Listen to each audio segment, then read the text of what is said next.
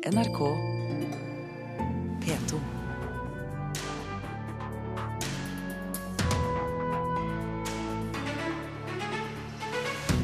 Norske kulturhus risikerer å tilbakebetale moms for de siste syv årene. Kommunene vil rammes hardt, tror direktøren i Konserthuset i Stavanger. Tyrkia protesterer mot skulptur midt i København, til minne om folkemordet på armenerne. Verdenskjent pianist Snur, tidligere motstander av gamle instrumenter, velger seg et piano fra 1820, og det låter bra, sier vår anmelder om Andras Schiffs nye dobbelt-CD med Schubert. Dette er blant sakene i Kulturnytt her i Nyhetsmorgen, hvor vi også anmelder en av Cubas aller mest kjente kunstnere som stiller ut i Norge, og snakker om VG som forandrer seg. Men aller først om kulturhusene. Norske kulturhus risikerer å måtte tilbakebetale moms fra syv år tilbake i tid. Det tror Per Harald Nilsson, direktør for det nybygde Konserthuset i Stavanger. Sist uke mottok Konserthuset krav om å betale tilbake moms på over 250 millioner kroner, fordi skatteetaten mener det driver i konkurranse med andre. Vi har bare sett starten på statens momsoffensiv, tror Nilsson. Han sier stemningen i Kulturhus-Norge har vært anspent de siste dagene. Stemningen i Kulturhus-Norge er nå preget av, av, delvis panikk. Sier Per Harald Nilsson, direktør for det nybygde konserthuset i Stavanger. Sist uke mottok han en momsregning på en kvart milliard kroner, fordi skatteetaten etter sju år hadde kommet fram til at konserthuset driver i konkurranse med andre. Til og med en sånn aktivitet som eh, omvisninger omvisninger i, i, vårt konserthus vil eksempelvis da være i konkurranse med omvisninger på torget. Telefonene har gått varme i Kulturhus-Norge etter at dette ble kjent. Alle spør seg hvorfor nettopp kulturhusene i Stavanger og Kristiansand mottok disse kjempekravene, og ingen andre, i hvert fall foreløpig. Nilsson mener det slett ikke handler om de nye, kostbare byggene, eller at visse kulturhus har drevet mer kommersielt enn andre.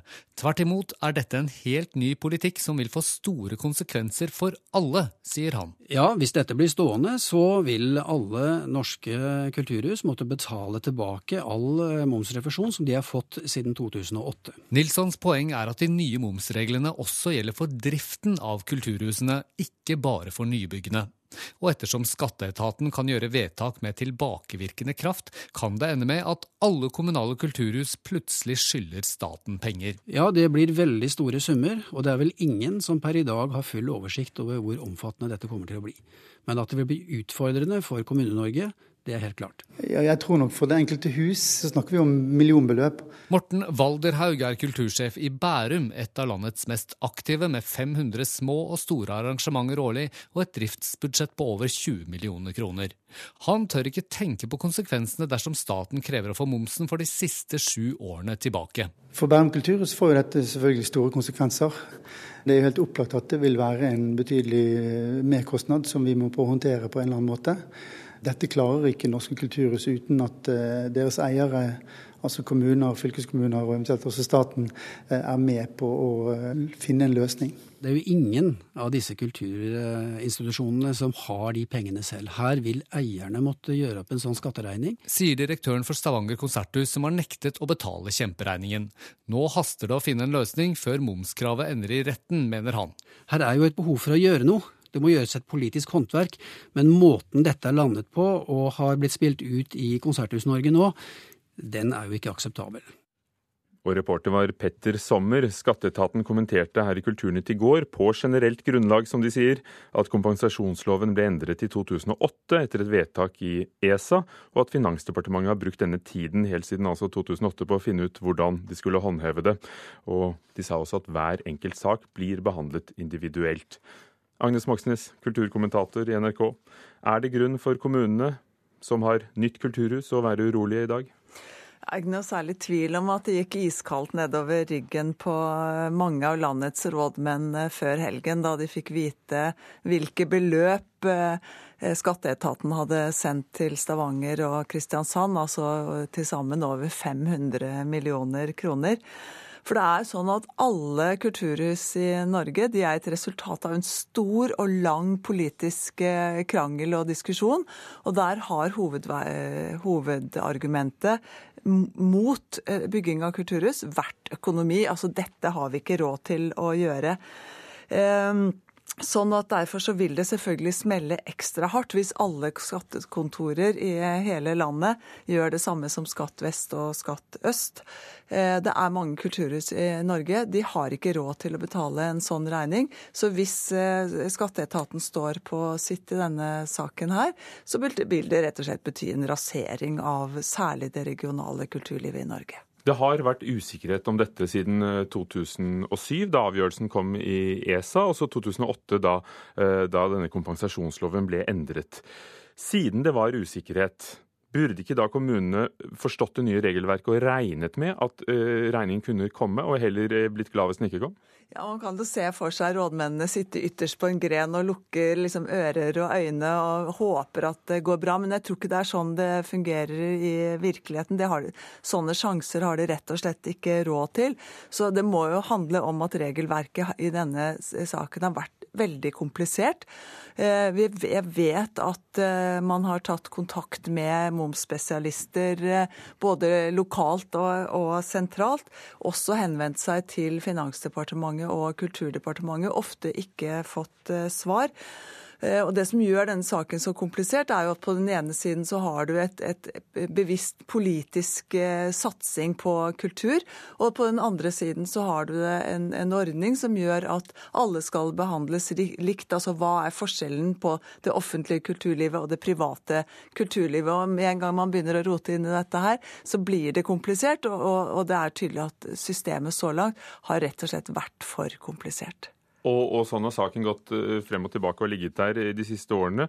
Og nå en halv milliard kroner som kreves av Stavanger og Kristiansand. Hvorfor nå? Altså det er jo helt uh, tydelig at altså dette, denne problematikken lot den forrige regjeringen ligge. Det har gått to år av en ny, ny regjering.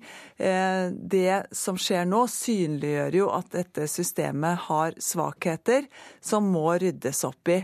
Eh, skatteetaten er under kontroll av Finansdepartementet, toppen av Finansdepartementet. Der sitter finansminister eh, Siv Jensen. Og det er helt opplagt deler av dette hun ikke liker, i og med at eh, systemet virker urettferdig. Det gjør at de offentlige kan dra fra moms, mens de private må betale moms. Og det er et system som ikke er bra. Og hvor ligger løsningen? Jeg ser at mange ønsker seg at man skal få en lavmoms, altså en kulturell lavmoms. 8 det... sånn som det er på kino og museer? Ja, det har vært stor motstand i kulturlivet mot det, men det kan nok være at den motstanden er i ferd med å brytes ned nå. Takk, Agnes Mosknes, kommentator.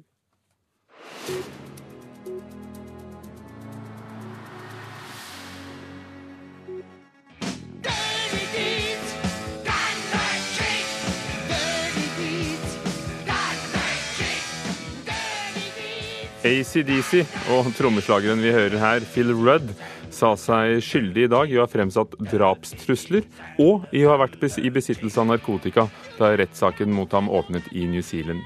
I september i fjor ringte Rudd en tidligere ansatt og truet med å drepe både ham og datteren.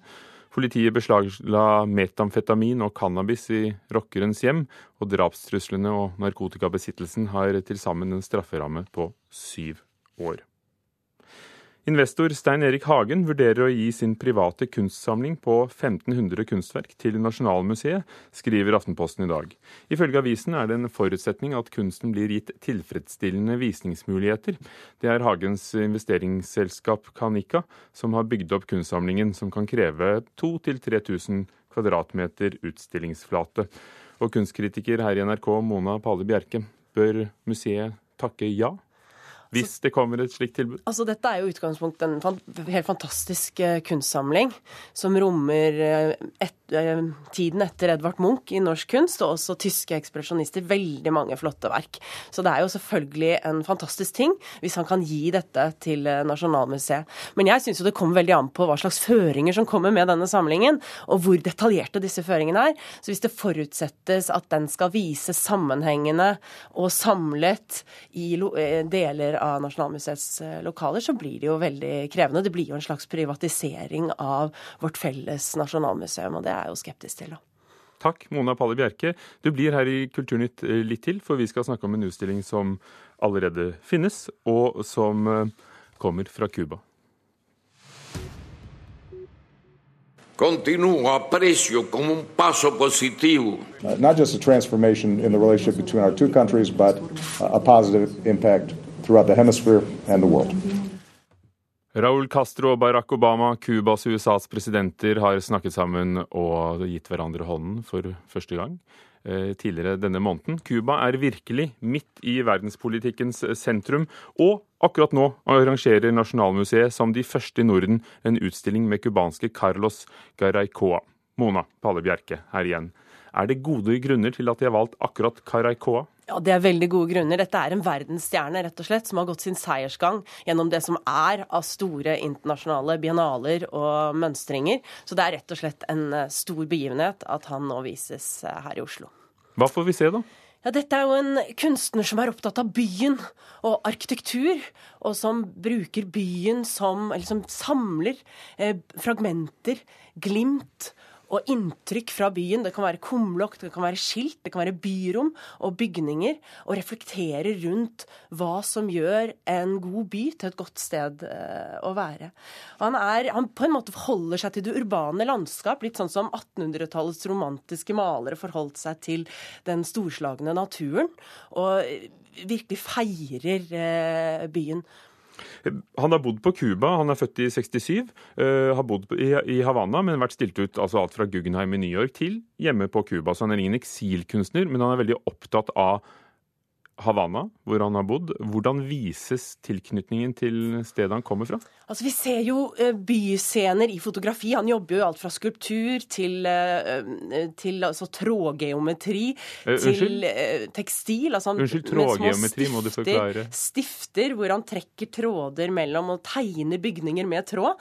Og han lager, får lagd vevde tekstiler. Men fremfor alt er jo arkitekturmodellen hans uttrykksform. Men vi ser ser jo Havanna på veldig mange måter, dels som en sånn slags gjenklang i nesten alt han skaper, men også fordi han undersøker disse forfalne delene av denne store byen, som på en måte formidler denne forgangne storheten. Det er sånn stor forfallen skjønnhet. Men når han bygger disse nitide modellene som arkitekturmodeller i, i, i tre og plastelina og, og, og hva og bruker, er det arkitektur byggekunst, eller rett og slett kunst? Det er jo kunst, dette er jo installasjoner, det er absolutt ikke byggekunst. Men han forleder oss jo litt til et øyeblikk å tro at vi ser på noe som skal virkeliggjøres der ute i verden. Noe som skal bli til virkelig arkitektur. Men det er mer refleksjoner, mer da en installasjon, hvor han eh, veldig ofte lager ting som slett ikke ville være gavnlig å ha ute i virkeligheten. Han har jo bl.a. laget en Babels kunnskapstårn, som er en universitetscampus, som viser liksom den dype isolasjonen i studiet. hvor hver enkelt student sitter i en egen liten celle med multimedia, high-tech-teknologi, som skal eh, fòre den enkelte studenten med kunnskap. Men et verk som virkelig fascinerte meg, det var hans lysende by av rislamper, som viser da byen som myriader av lyspunkter, som kan liksom peke på alle de forskjellige skjebnene, alle de forskjellige menneskene som utgjør en by. Og byen som bærer av erindring og historie. Hmm. Sist du snakket om eh, denne delen av Nasjonalmuseet, altså Museet for samtidskunst i den gamle Norges Bank i, midt i Kvadraturen i Oslo, så sa du at det ikke helt fylte skoene som nasjonalt samtidsmuseum. Hva sier du nå? Jeg vil si at Det er én ting de får til veldig godt, og som de har fått til i mange år, og det er å velge gode kunstnere og lage gode separatutstillinger. Det har de også gjort nå. Det de ikke er så flinke til, det er jo å lage tematiske utstillinger og sette nye temaer på dagsorden. Men de er altså veldig flinke til dette med separatutstillinger, og det er også en veldig viktig oppgave. Og cubanske Carlos eh, Garaycoa kan sees til 23.8 på Museet for samtidskunst. Og du, Mona Palle Bjerke, kan høres eh, i Kulturhuset klokken ett i dag, hvor du snakker mer og mer utførlig om denne utstillingen. Takk. Klokken er 17 minutter over åtte. Du hører på Nyhetsmorgen i NRK. Kapteinen og nestkommanderende på båten som sank i Middelhavet da 800 mennesker omkom, er pågrepet og siktet for uaktsomt massedrap. Senterpartikommuner viser størst motvilje til å ta imot flyktninger. Og forsikringsutbetalinger etter naturskader har skutt i været. Det, er ikke sikkert alle vil få forsikring i fremtiden.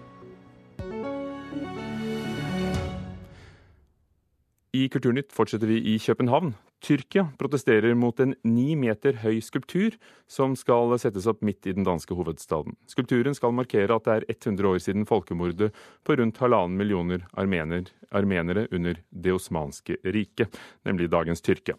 Tyrkia nekter for at dette overhodet var et folkemord.